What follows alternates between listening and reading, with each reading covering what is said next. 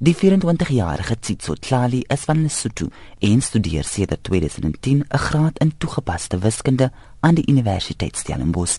Tlali het sy digitale speletjie in 2011 ontwikkel as deel van 'n projek vir een van sy vakke, rekenaarwetenskap. It was just me and my computer in my room practicing about some assignments for computer science that I was studying at that time. Een van sy lektore het hom geraadpleeg om sy digitale speletjie verder te ontwikkel. I approached one of my lecturers of Brink van der Merwe.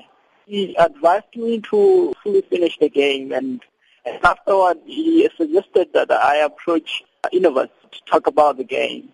They advised me to see to it that I turn this game into a business. I was actually very keen to do that. They helped me through all the development of it. Klaar se digitale speletjie MRBRB is gebaseer op die tradisionele Sotho speletjie Morabaraba.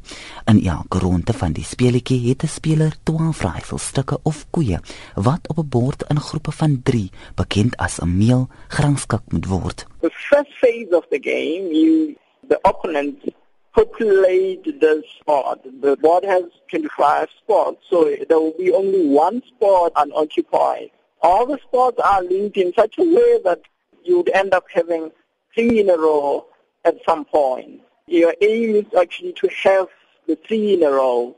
Uh, your second aim is to prevent your opponent to have the three in a row. Sodra 'n speler 'n meel gevorm het, kan hy sy opponent se koeie neem. After all of you are populated the board, then we start the second phase where now you move around the pieces.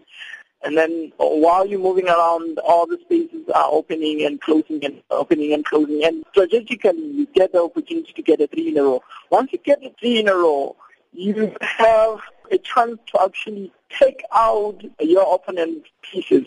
This increases the chances of you defeating your opponent. Klali werk tans vir Innovatus Technology Systems wat die lisensie vir die digitale speletjie besit. Hy sê die speletjie sal later vanjaar op slimfone beskikbaar wees. They will take control of the game and try to market it and try to commercialize it to become a very great game and a very popular game. We have been testing it at the beginning of the year online. It was already available through the web. But uh, I can say is around September, October, it will be then out. Tlali sê werk dan saam met Innovartis aan nuwe digitale speletjies. We have a couple of games in mind. We have started some of the games that the market will see soon. I can't really say the names of the games now, but there's games coming and they are traditionally based too. Tsitsu Tlali, 'n speletjie ontwikkelaar by Innovartis Technology Systems. Ek is Jean Estreisen in Johannesburg.